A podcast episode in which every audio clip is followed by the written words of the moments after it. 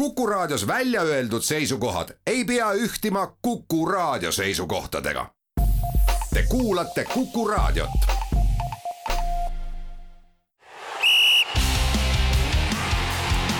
vutikohus. vutikohtul aitab pinget kruvida Pahv tere tulemast kuulama Kuku raadio jalgpallisaadet Vutikohus, mis on eetris igal neljapäeval ning mida juhivad Ott Järvela jalgpalliportaalist sokkernet.ee ja Andres Vaher Õhtulehest. meie saadet saab tavapäraselt järelkuulata Kuku raadio äpis ja podcastide keskkonnas, samuti iTunesis, Spotify's ning Postimehes spordiveebis. vutikohus võtab igal nädalal jutuks aktuaalsed jalgpalliteemad ning tähtsamad kohtumised algab vutikohtu saja seitsmekümne esimene istung ning alustame, nagu meil ikka kombeks on, eelmise nädala jooksul peetud tähtsamatest jalgpallikohtumistest ning kuna Inglismaa jalgpalli Premier League'is möödunud nädala jooksul toimus ridamisi tähelepanuväärseid tulemusi pakkunud kohtumisi, siis alustame juttudega Inglismaalt, kus siis tabeli kaks esimest, nii Arsenal kui Manchester City nädalavahetusel kaotasid tabeli kolmas ja neljas on oma viimase mängu mänginud viiki, nendeks on siis Manchester United ja Newcastle United, kusjuures tõsi jah, Manchester United mängis selle viigi küll eile õhtul Leedsiga kaks-kaks, aga tabeli esinelik on kõik oma viimases kohtumises kaotanud punkte. Ja seda oleme ausad, naljalt ei juhtu mitte üheski tippliigas kuigi sageli, nii et see kahtlemata kõik on selline erakordne sündmuste komplekt, aga ühekaupa vaadates mitte nii ootamatu tegelikult ja noh, ja kõik see loomulikult siis sobib äh, antud juhul Arsenalile, kes äh, ehkki kaotas äh, ja noh, Manchester United ja Newcastle tulid küll punkti võrra lähemale, aga kuna nemad on siiski veel noh, ikkagi ohutumas kauguses kui, kui Manchester City, siis siis hoolimata sellest, et Arsenal sai hooaja alles teise kaotuse Evertonilt null-üks, siis päev hiljem Manchester City kaotas Tottenhamile samamoodi null-üks ja ja noh, meistrite liiga võitlus jällegi tänu sellele, et Tottenham on siin nüüd kaks mängu järjest võitnud, on läinud põnevamaks, aga tiitlivõitlus, noh, staatus quo ühtpidi, teistpidi Arsenal nihkus lihtsalt mängu võrra finišijoonele lähemale. Just, ja, ja ma, see kogu see tulemuste komplekt on Manchester City jaoks ikkagi erakordselt valus, sellepärast et, et Arsenal äh, ikkagi kaotas ju punkte ootamatus kohas. Äh, tõsi, Everton oli olnud, äh, tõsi, raskustes Everton oli äsja vahetanud peatreenerit ja noh, see on jalgpallis äh, klišee, mis tegelikult ka reaalses elus toimibki, et äsja peatreenerit vahetanud võistkond, isegi kehvas tabeliseisus ja kehva, kehva koosseisuga võistkond, on alati ohtlikum, kui ta muidu on ja Everton seda täpselt ka tõestas, Arsenali vastu väga hingestatud äh, väga võitluslik etteaste, tark ka, panustati standardolukordadele, mille puhul äh, uuel Evertoni peatreeneril Sean Dyche'il olid, olid suhteliselt äh, minu meelest lihtsakoelised, aga, aga jõulisele tegutsemisele orienteeritud lahendused, mis kokkuvõttes Arsenali kaitsele valmistasid probleeme e, ja ühest sellisest sündis lõpuks ka värav, e, et, et selle kõige e, osas, et Everton selle, selle punkti kätte sai, ühesõnaga see oli ikkagi ootamatu, vaatamata kõigele ja sellele otsa Manchester City ei suutnud seda võimalust, mis neile ootamatult pakuti, ära kasutada, see muudab selle eriti valusaks, vaatamata asjaolule, et vastane oli Tottenham, kellele kaotamises nüüd mitte midagi nüüd tohutult imelikku ka ei ole, kuigi Tottenham tegi samamoodi äh, hea etteaste nagu, nagu ka Everton, et selline võistkondlik sitke kaitsemäng noh, null tippvõistkonna vastu, see on alati kõva sõna. ja, ja kui me siin treeneritest, noh, Evertoni kontekstis juba rääkisime, siis äh, ka Tottenhamil oli siin tähelepanuväärne, et siis nende peatreener Antonio Conto oli Conte oli kodumaal Itaalias operatsioonist äh, taastumas, soovis küll ise hirmsasti mängu ajal kohal olla, aga arstid panid veto sellele plaanile. ehk siis teda asendanud selles, sellel mängul Christian Stellini tegi suurepärase töö, aga, aga Manchester City puhul küll, eriti mängudes äh, siis teiste nii-öelda suu-, suurte klubidega on, on viimasel ajal ilmunud ikka väga suured probleemid, et mm, et ähm, noh, hakkas noh, arusaamatu, eks seal mingid kindlasti põhjused olid, Peep Guardiola seekord otsustas Kevin De Bruyne algkoosseisu üldse mitte panna, äh, tegi kerge formatsioonimuutuse ja, ja mis veel eriti tähelepanuväärne, siis äh, Erling Braut Haaland äh, eh, on ikkagi muutunud, eh, noh, võib-olla need standardid tõusid juba nii kõrgeks, aga viimased mängud just suuremate vastaste vastu on ta ikka nagu täiesti nähtamatu ka selles mängus. kui nad Man Unitedile üks-kaks kaotasid, oli sama küsimus ju, et, et Haalandit polnud näha. ja seal on veel mingeid mänge olnud, peast praegu ei mäleta, aga ka selles konkreetses Tottenhamiga mängus, no kui, kui, kui Erling Braut Haaland teeb vastaste kastis, ei tee ühtegi puudet, rääkimata pealelöögist väravale, siis no siis ikkagi midagi ei toimi ja, ja Manchester City puhul ei saa ikkagi üle ega ümber vaadata, minu meelest noh, tekitab minus kummastust ikkagi keskkaitsjate valik. et noh, et kui, kui Ruben Dias on terve äh,, siis miks ta on pingil? no tõesti, ei, ei saa aru äh,, Akanji ja Nathan Ake, noh, ka kahtlemata head keskkaitsjad, aga, aga Ruben Diase näol meil on tegemist sellise noh, tervet äh, kaitseliini domineeriva kujuga, kes on, kellel on ka Premier League'is väga palju seda võitja kogemust kelle, kelle roll, ma arvan, just sellistes äh, suurtes mängudes võib veel eriti tähtis olla. nii et, aga noh, muidugi säärased valikud on Peep Guardiola puhul tavalised, et need ei ole midagi sellist, mida me, mis valmistaksid üllatu, üllatust ähm, ning, ning jah, kokkuvõttes olukord on siis säärane, et Arsenalil on mäng varuks ja nad edestavad jätkuvalt Manchester Cityt äh, viie punktiga, aga vaatamata jah, sellele kordan taaskord, et, et kuigi käes on veebruari algus või et vaata, et juba varsti keskpaik, siis hooaeg tegelikult ei ole veel niivõrd kaugel, kui ta tavapäraselt selles faasis on. ehk et praegu on ikkagi veel seitseteist mängu minna. just, et minna on ikkagi kõvasti, et tegelikult see, see viis punkti ja üks mäng on hea vahe, aga see võib väga kiiresti sulada ja täpselt samamoodi siis ka ka võitlused muude Mm, noh, on nad siis medali või meistrite liiga kohtade pärast, et, et Newcastle, kellest on nüüd küll äh, ja põhjusega palju ja kiitvalt räägitud äh, ja noh, väga nagu minu jaoks nagu isegi niisugune päris huvitav fakt, et et nüüdses siis üks-üks viigimängus West Hamiga löödi Newcastli väravahile Nick Pope'ile esimest korda värav pärast novembrikuud et noh, see on ikka tegelikult päris, kui hakata mõtlema, mis, mis, mis, millega, millega tegu on, et päris võimas, aga, aga samas jälle viimasest viiest, viiest liigamängust on ainult üks võit saadud ja Tottenham tuleb, tuleb tagant, nii et põnev on seal. ja no Newcastle'il äh, on tabelis ainult üks kaotus, millega nad on Premier League'i parim, aga neil on ka kümme viiki mm, -hmm. mis, mis tähendab, et noh, tegelikult sellise, sellise rütmiga on lõpuks keeruline, et nad, nad peavad hakkama natukene rohkem neid viigimänge võitudeks äh, pöörama, ent noh, ega neil midagi veel viga ei ole ja, ja Tottenham on küll nüüd jälle kaks võitu järjest saanud ja see Man Manchester City üle saadud võit oli, oli kena, aga kas see tähendab ka seda, et Tottenham on ületanud oma ebastabiilsuse muret, seda me saame öelda umbes mõne nädala pärast, äkki nad suudavad mingi seeria kokku panna. aga, aga Manchester Unitedis ka mõned sõnad ja,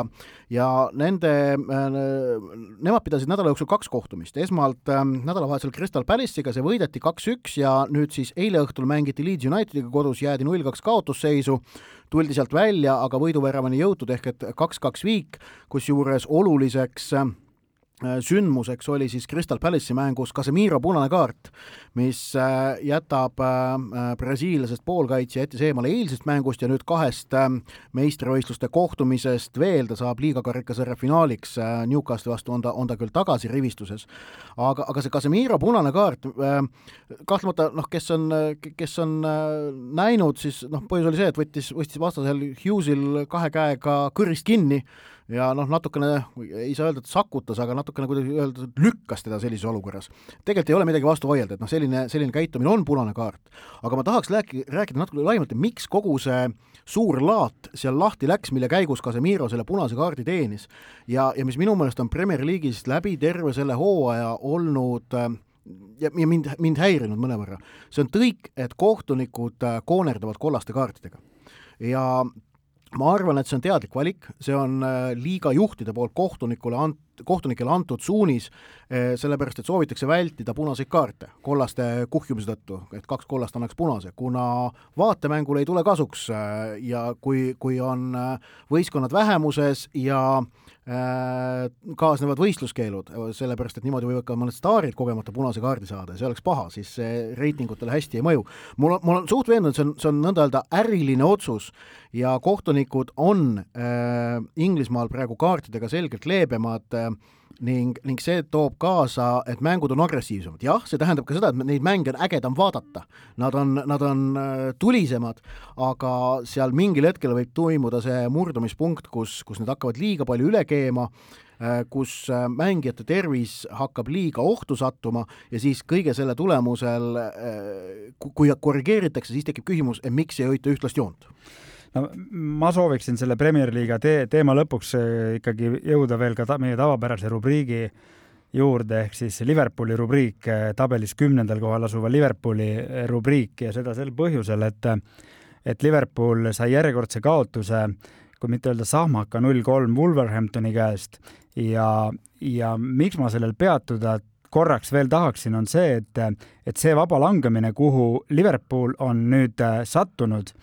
on ikka päris äh, märkimisväärne nii tulemuste vaatest, et kui praegusel kalendriaastal on Liverpool kolm mängu kaotanud ja teinud ühe viigi, ehk et kui veel aastavahetusel lahutas Liverpooli meistrite liiga kohast neli punkti, mis pole ju mitte midagi, siis nüüd on üksteist punkti ja see juba on päris palju, aga Äh, kui vaadata ka äh, Jürgen Kloppi, kes on ju alati positiivne ja hea küll, vahel viskab mõne sellise teravmeelse nalja, aga tema olek on ikkagi niisugune energiline positiivne, siis nüüd on ta ikkagi kohati muutunud täitsa masendunuks. ehk et väga selgelt on sellest kehakeelest välja lugeda, et ilmselt on nii palju asju valesti, et ta ise, isegi enam ilmselt täpselt ei tea, kust otsast ja kuidas neid äh, parandustöid alustada. nojah, ja, küsimus Liverpooli puhul on see, et kas on vaja vajutada tuumanuppu aga, aga mina olen väga veendunud, et ei ole, et, et Jamie, äh, Jamie Carragher vist kuskil äh, võttis siin nädalavahetusel sõna ja märkis, et, et Jürgen Klopp on viimane inimene, kes tema meelest tuleks Liverpoolis välja vahetada. ja ma, ja ma laias plaanis olen jätkuvalt temaga nõus, sellepärast et, et kus sa leiad parema peatreeneri, aga tõsi on muidugi see, et Liverpoolil on vaja väga selgelt üles ehitada või no võistkond ümber ehitada ja ennekõike puudutab see keskvälja, sest just see oli koht, kust too kohtumine Wolverhampton Wanderersile käest ära läks ja, ja see ja see, ja see polnud esimene ega mitte ka teine, nii et äh, no just, et, et, et sealt hakkavad praegu meeskonna probleemid, et, et noh, et ja seal tuleb natukene vaadata, mitte natukene, või noh, näiteks ka Jordan Henderson, noh, meeskonna kapten, klubi kapten, aga ka kas ta on ikkagi seda kvaliteeti omav mängija, kellega on võimalik püüda tiitleid, et, et see on küsimus, millele Liverpool peab vastama, et nad eelmise hooaja tuleb välja, tegid veel aurude pealt ja tegid selle hiilgavalt, aga nüüd on Sadio Mane läinud, aurud otsas, mitmed mehed vigastatud ja, ja see kõik on Liverpoolil lükanud kriisi, mis tähendab, et meistrite liigasse jõudmine on nende puhul tegelikult praegu juba välistatud, kui nad just meistrite liigat ei võida, mis on, tundub samuti olevat välistatud. Nii, liigume oma juttudega Itaaliasse, kus peatume veidi põgusamalt kahel kohtumisel, esiteks siis äh, Milano suur duell ja oluline duell, äh, kus siis äh, Milano Inter võitis AC Milani üks-null, mis tähendas siis, et noh, eeldusel, et, et Itaalias Napoli liigub meistritiitli suunas, Napoli, kes on viimasest kaheksateistkümnest mängust võitnud seitseteist, kui ma nüüd ei eksi, siis äh, Äh, siis teise koha võitlus käib seal ja, ja tiitlikaitse Milan, kes, kes veel hooaja siin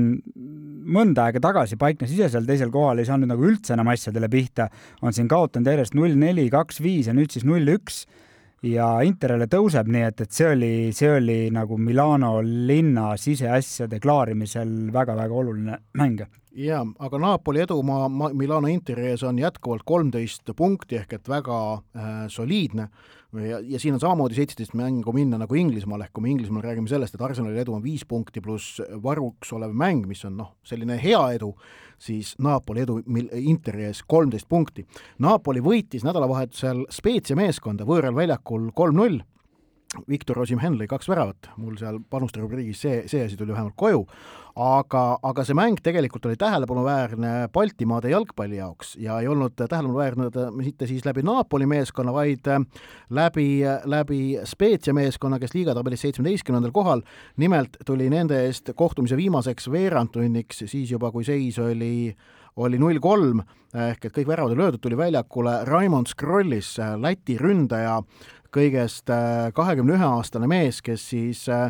tänavu talvel äh, Läti meistriklubist Valmierast otse siirdus Itaalia kõrgliigasse Spezia meeskonda, üleminekusumma väidetavalt ikkagi poolteist miljonit eurot, ilmselt mingid klauslid juures, aga noh, tähelepanuväärne üleminek otse Baltimaade kõrgliigast mõnda top viis liigasse, et noh, Eestis on seda teinud ainult Mart Poom. just, ja, ja ja, ja seda tähelepanuväärsem, et mõnikord seda teevad mängijad, kes on mänginud juba Euroopas ja jõudnud kuidagi tagasi, et lihtsalt CV-s on mingid asjad, aga, aga Raimond Krollis on äh,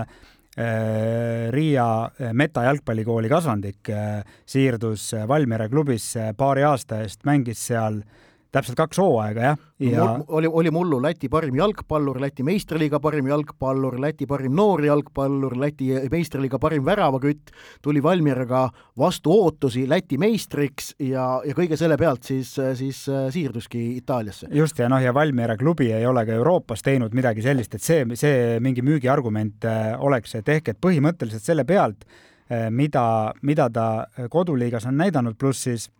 pluss siis koondise mängud. lõi, lõi ka Eestile novembris värava Balti turniiri poolfinaalis. et saab küll niimoodi, kui on, kui on piisavalt hea mängija, kui on piisavalt äh, head äh, kontaktivõrgustikud äh, agentidel, nii et, et selles mõttes kindlasti väga hea näide ja tegelikult Läti klubidest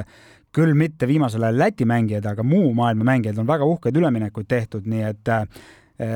nii et, et võtame, võtame eeskuju ja hakkame panema jah, aga noh, selle Krollise puhul nüüd tegelikult noh, on oluline ja minu meelest ka huvitav on jälgida, kuidas ta tegelikult seal nüüd hakkama saab, et see üleminek tehti poolteist miljonit eurot, väga kõva üleminekusumma Baltimaade kontekstis, aga, aga nüüd see võtmeküsimus on see, kas ta seal ka püsima jääb, sellele tasemele. E, noh, iseasi jah, isegi kui klubi langeb Serie B-sse, et kas ta jääb selle klubi äh, ridadesse püsima. aga ikkagi märkimisväärne on see, et, et esimesel võimalusel, niipea kui ta toodi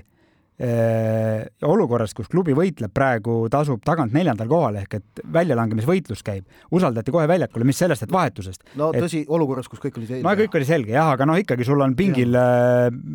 üksteist mängijaid, et mängijad või palju neid seal on, et, et valikuid on teisigi ja et, et, äh, et väga-väga-väga-väga kõva värk igatahes nii, aga nüüd paar sõna ka Hispaanias, kus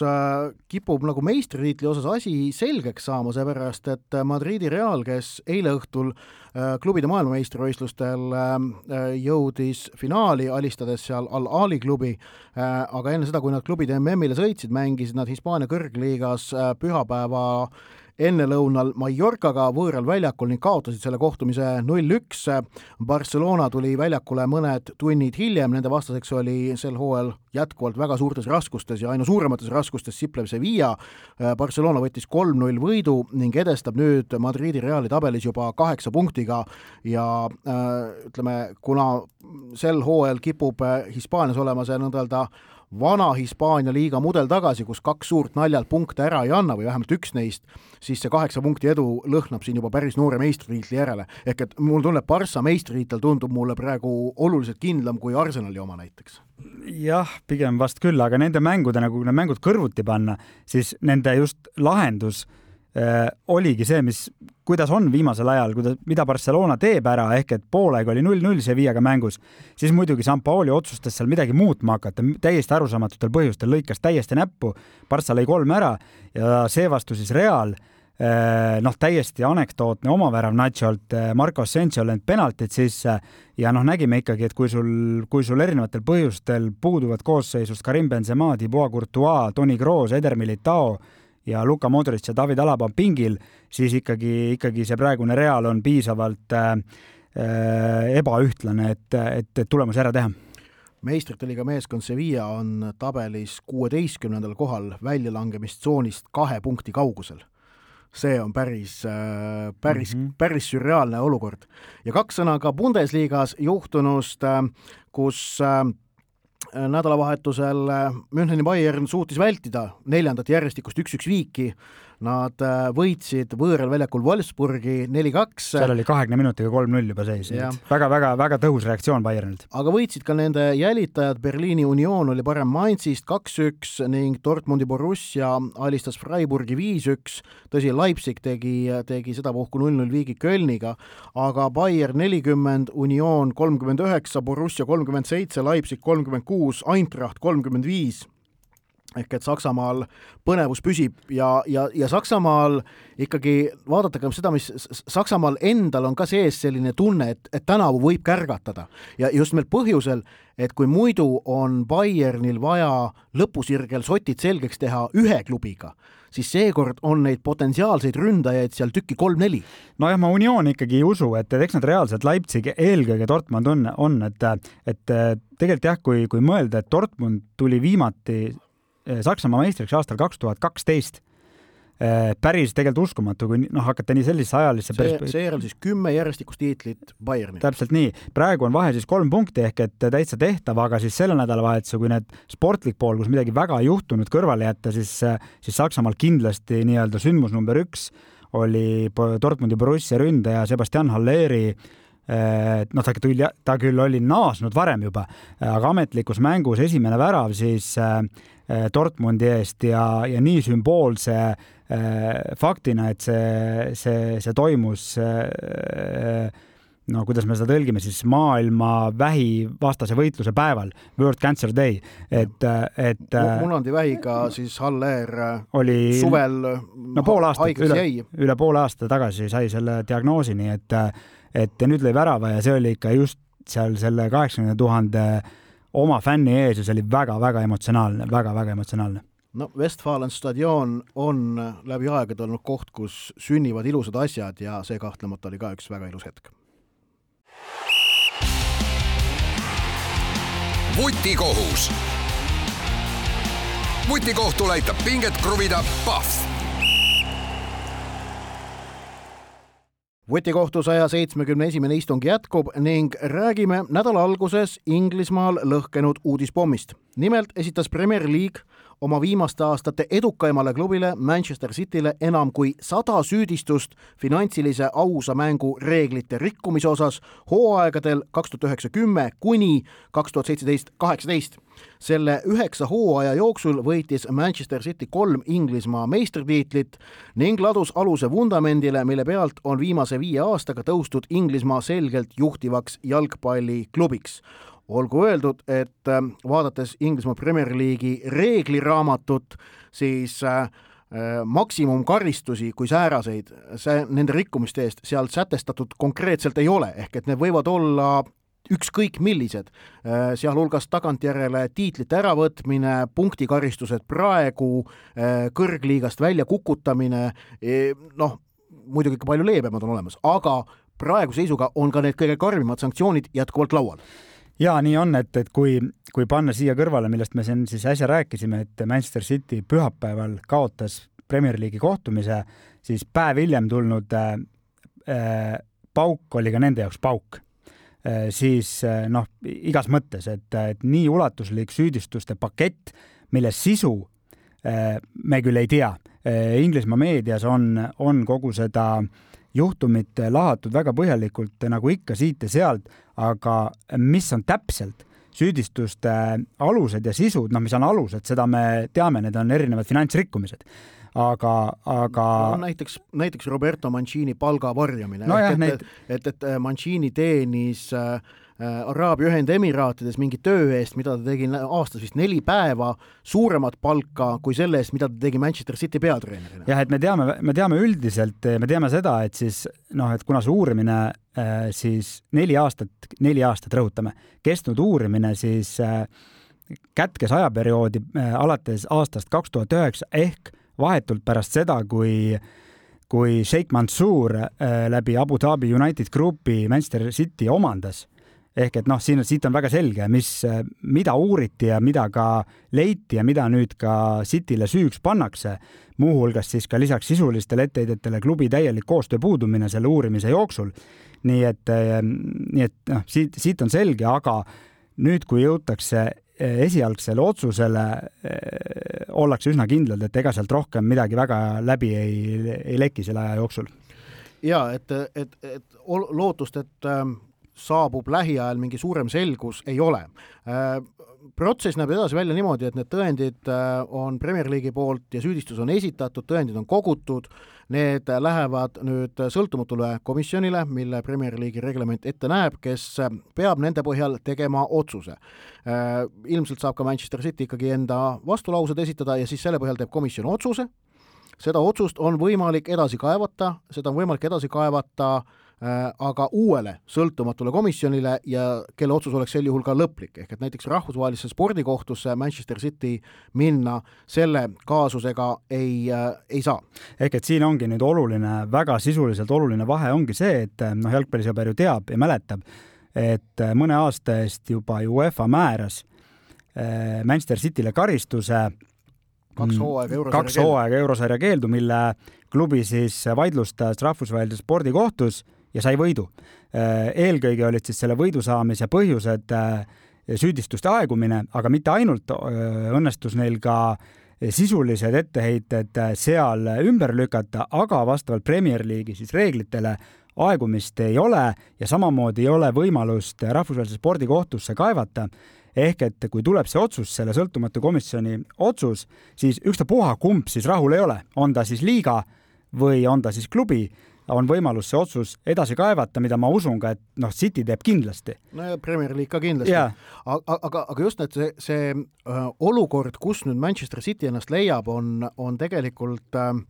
on tegelikult selles mõttes keeruline, et nad on, nad on sattunud praegu väga vaenulikesse vetesse. sellepärast, et eks Manchester City konkurendid ja rivaalid ole ju pikki aastaid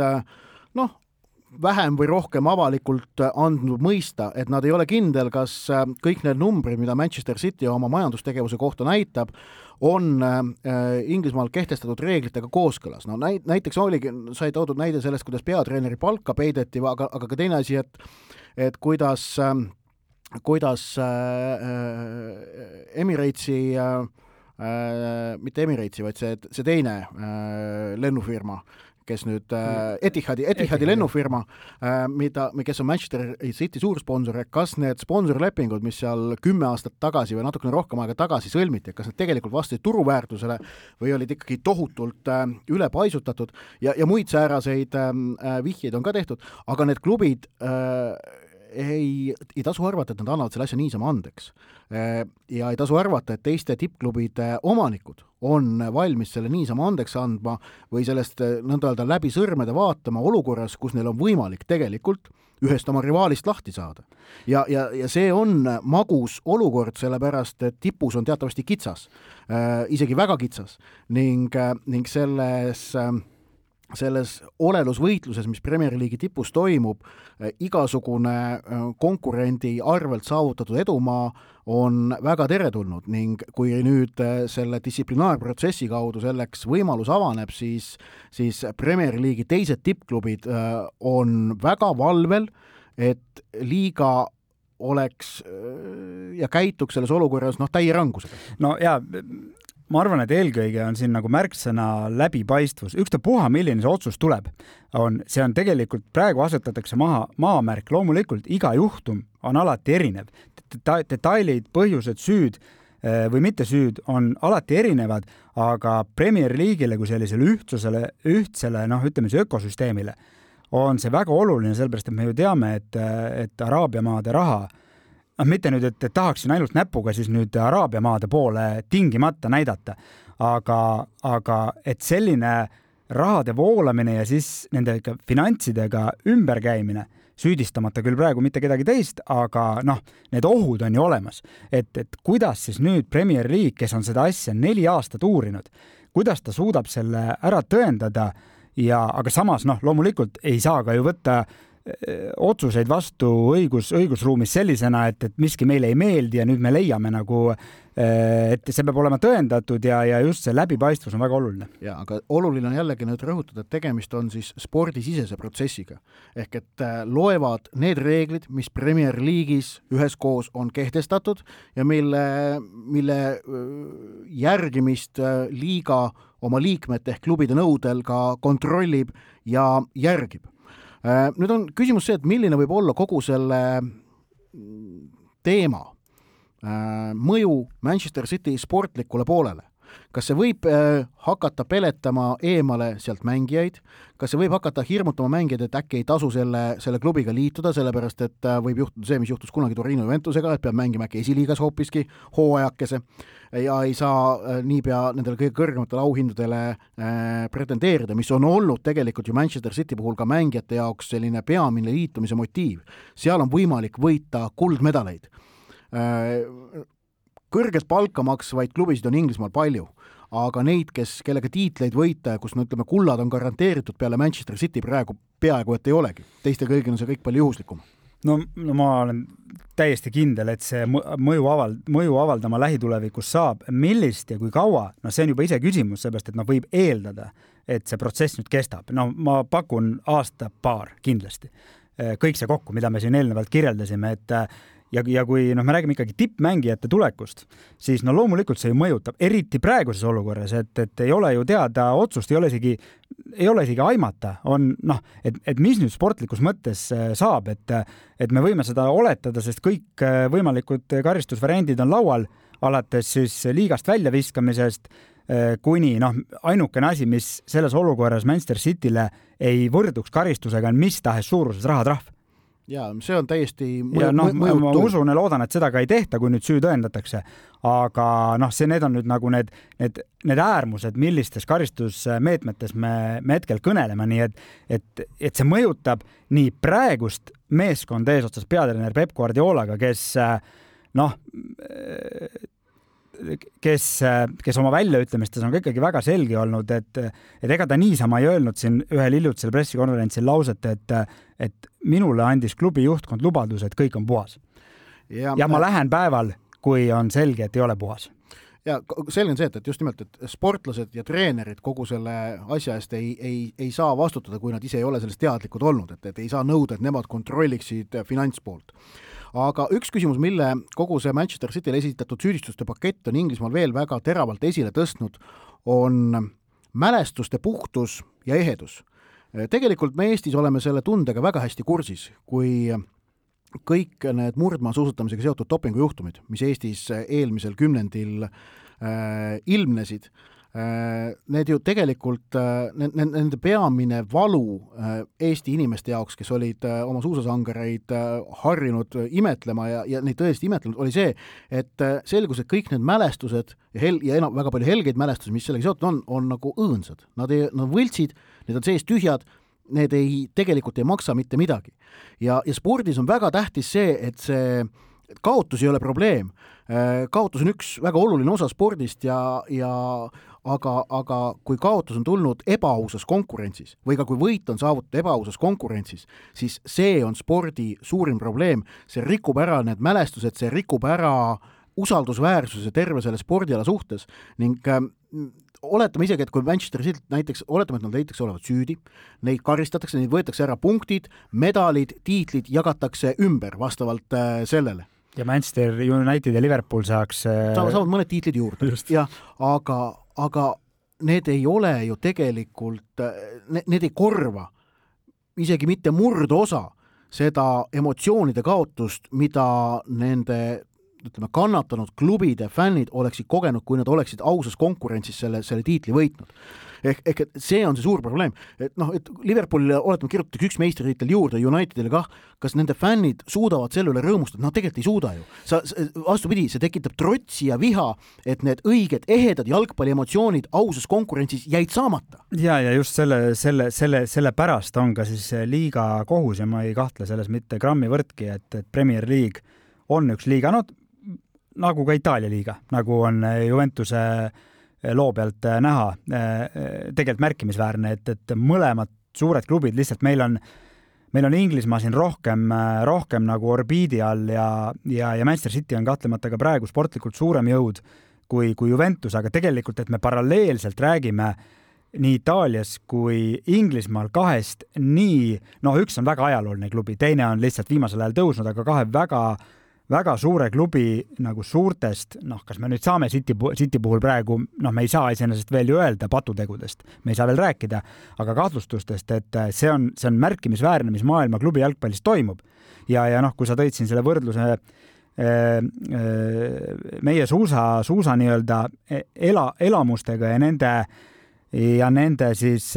no mis sõna siin oleks õige tarvitada, nende kustutamisega mingit, mingit pidi, siis noh, eks iseenesest jah, võrdlus, võrdlus õige, aga vahe lihtsalt selles, et kui ühel, ühel puhul me räägime terve rahvuse äh, ära võetud medalitest, noh, põhimõtteliselt, siis siin me räägime ühe klubi, äh, ühe klubi äh, fännidest, noh, mida, mis on siiski üks, üks, üks osa ainult. ma ja ma sain aru, et sa aga see on see ökosüsteem on, on noh, kuidas öelda, kus see mõjutab seal kõiki osalisi ja, ja noh, oleme ausad, murdmaasuusatamise mõju jalgpalliga võrreldes on, on ikkagi mikroskoopiline, et et, et see, see, see on selle asja üks, üks suur probleem, aga nagu öeldud, jah, siin kiireid arenguid selles teemas oodata ei maksa.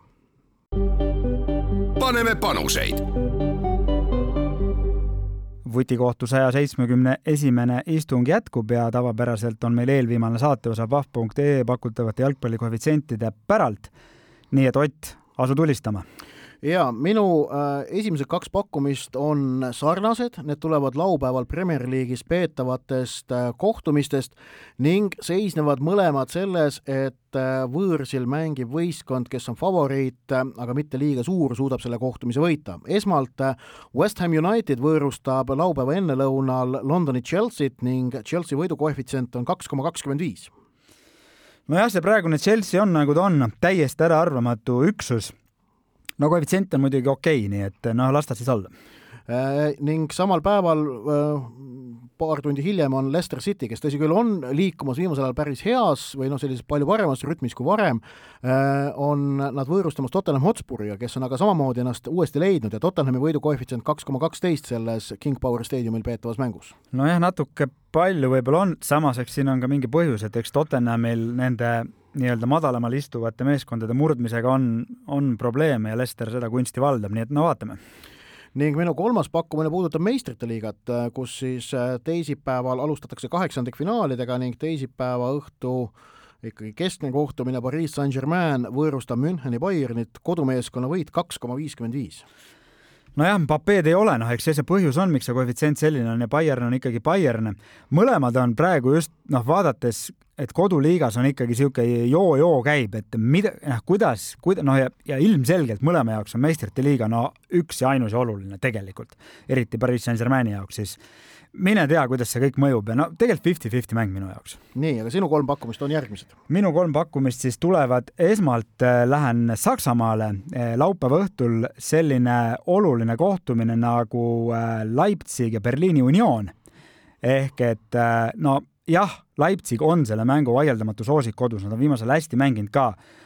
aga tulemus sellele, et Union ei kaota seda mängu koefitsiendiga kaks koma kolm gramm palju mu jaoks.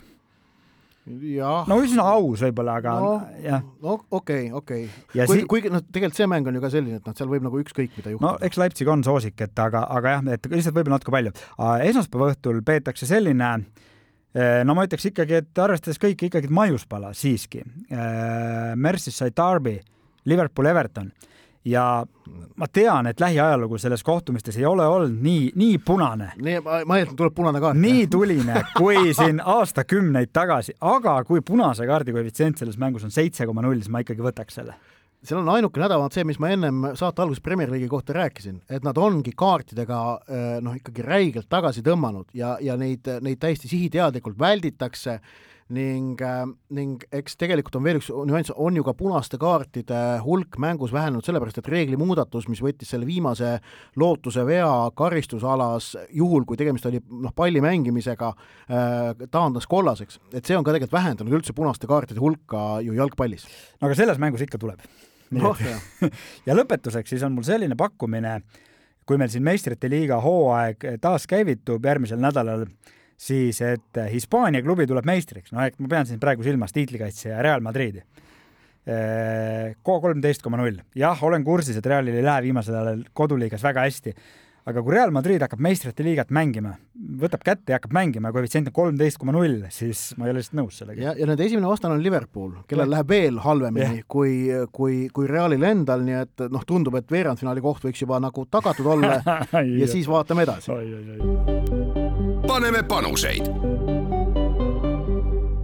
vutikohtu saja seitsmekümne esimene istung on lähenemas oma lõpule, aga enne veel, kui tänaseks otsad kokku tõmbame, vaatame otsa kohtumistele, mis järgneva nädala, nädala jooksul Euroopa erinevatel jalgpalliväljakutel toimumas on ning enne, kui meistrite liigas teisipäeval-kolmapäeval pall mängu pannakse, Eh, on meil nädalavahetusel ikkagi veel päris arvestatav hulk põnevaid kohtumisi ka eh, riiklikel meistrivõistlustel. West Ham Chelsea's sai räägitud Leipzigi ja Unioni duellist ka, aga laupäeval Inglismaal tegelikult ka väga äge mäng on Arsenal Brentford, sellepärast et ega Arsenalil eh, nüüd pärast seda, kui nad Evertoni vastu punkte kaotasid, noh,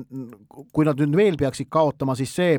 tekitaks juba sellise väikese minikriisi, sellepärast et noh, standardid on Arsenalil väga kõrged, aga Brentford nagu ka Fulham, nagu ka Brighton, need kõik kolm on olnud sel hooajal ikka neetult head ja sitked satsid. ja see Brentford Thomas Franki käe all on ikka üks väga vastik pähkel lahti katki hammustada, aga no Arsenal on kodus ja ja noh, see, siiani on nad suutnud suurematele ja väiksematele, no suuremaid ei ole väga olnud, aga väiksematele tagasilöökidele väga hästi reageerida. et vaatame siis, kuidas, kuidas seekord läheb sellele Evertoni kaotusele, kuidas, kuidas reageerivad? nii, pühapäeval näeme, pühapäeval tuleb ju uuesti sama duell, mida eile Kord, nägime. kordusetendus. jaa, sest et Leeds United võõrustab nüüd Manchester Unitedit, kuna see eileõhtune mäng, mis lõppes kaks-kaks, oli, oli sügisest tõstetud eh, siia nüüd eh, veebruari, siis nüüd on tal korrapärane samade meeskondade duell. ja vahe, vahepeal saame siis näha, kas ka Leeds United on endale uue püsiva peatreeneri leidnud, Jesse Mars siis siin mõne päeva eest Äh, vallandati ja, ja eileõhtuses kohtumises siis tegi nii-öelda asendustrio oma tööd ja tegi edukalt, nii et, et vaatame ka arenguid äh, sellel rindel. Manchester City proovib võitude teel naasta duellis Aston Villaga ja, ja siis on meil äh, siin pakkuda pühapäeva õhtusse tegelikult veel kolm mängu mujalt Euroopast, Itaalias Juventus versus Fiorentina, Portugalis Lissaboni Sporting FC Porto ja, ja FC Barcelona mängib võõrsi Via Realiga. ja klubide MM-i finaal on ka millalgi nädalavahetusel. ja, ja siis äh, esmaspäeva õhtul see Liverpooli, Evertoni äh, madin ja siis siirdume juba uuesti meistrite liiga väljakukkumismängude lainele just, nii et nagu öeldud, teisipäeval on mm, tuletan meelde selle ka, et kuidas meistrite liigas kaheksandikfinaale mängitakse, et mängitakse äh, need ära kokkuvõttes viie nädala jooksul kui on niimoodi, et esimese ja teise mängu vahel on igal, igas paaris kolm nädalat, ehk et nelja paari, neli paari alustavad nüüd järgmisel nädalal ja neli paari ülejärgmisel nädalal. see on siis, hajutamine on selgelt tehtud teleõiguste maksimeerimise eesmärgil. no ka meie kui vaatajate huvides. absoluutselt nõus. teisipäeva õhtul lähevad vastamisi Pariis Saint-Germain ja Müncheni Bayern, Kylian Mbappé'd ei ole, aga Lionel Messi on ning teises paaris AC Milan võõrustab Tottenham Hotspuri, no ja Milan on mänginud mänginud ju kohutavalt ikkagi tõesti nüüd viimasel ajal, et, et Tottenhamil äh, no Tottenham on selle paari soosik no pigem natukene vast jah, aga, aga no, jah. no ikkagi on. jah, aga meie kui vaataja huvides niivõrd ei ole siis see, et kolmapäeva õhtul siis lisaks meistrite liigale, kus on siis vastamisi Dortmundi Borussia ja Londoni Chelsea ka ikkagi põnev paar. Väga põnev, kes on soosik, üldse raske öelda jah, sest et noh, Dortmund ja. mängib Saksamaal praegu väga kenas rütmis. ja noh, Chelsea on ikkagi noh, oma, oma hädade ja, ja asjadega on ikkagi Chelsea noh, lõpuks noh. seal, seal on see nüanss, et Graham Potteri Euroopa kogemus on ikkagi kasin. no ega see Leidin Terzitsilgi nüüd väga rikkalik ei ole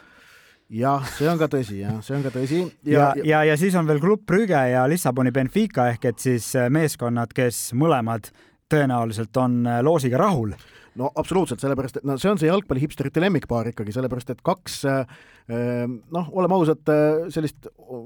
tagasihoidlikuma renomeega kaheksandikfinalisti sattusid Fortuna tahtel vastamisi, mis tähendab, emb-kumb neist kindlasti jõuab veerandfinaali, mis oleks mõlema klubi, eriti klubb Brügge, aga tegelikult ka Benfica jaoks väga äh, võimas, et mitte öelda ajalooline saavutus, nii et ma usun, et tegelikult selles Brügge-Benfica paaris mängud tulevad mõlemad väga-väga ägedad. aga mida ma tahaksin veel selle paari kohta öelda, on see, et päris ainulaadne juhtum on see, et selline klubi nagu Klubb Brügge, kes jõuab esimest korda meistrite liigas äh, ed- äh,, play-off'i vahetab treenerit järsku. Scott Parker, siis Inglismaa jalgpallisõbrad teavad, kes on, kes on selline endine mängumees, noh, ka noor treener, on siis nüüd klubb Brügge peatreener. ja Parker alustas äh, kas ta oli Bournemouthi peatreener viimati minu meelest, ta oli mingil hetkel oli, töötas ta Inglismaal Bournemouthi peatreenerina. Scott Parker oli ka väga vaimustav jalgpallur, kui ta veel omal ajal mängis, ta valiti Inglismaal korra isegi aasta mängijaks ka jalgpalliajakirjanike poolt Inglismaa Premier League'is. aga, aga kokkuvõttes jah, et kolmapäeva õhtul on, on jalgpallisõbral keeruline ja ma pakun, et meistrite liiga tegelikult tollel õhtul jääb kaotajaks Eesti jalgpallisõprade silmis, sellepärast et kindlasti, kindlasti. sest samal ajal mängitakse ka Premier League'i kohtumine Arsenali ja Manchester City vahel, kuidas see võimalik on, noh, kuninganna matused. kuninganna matused jah, et olid juba jupp aega tagasi, aga, aga lihtsalt jalgpallikalender, rahvusvaheline jalgpallikalender on niivõrd tihke ja tiine ja paksult asju täis, et mitte kuhugi mujale seda mängu lihtsalt ei olnud pan-, võimalik panna ja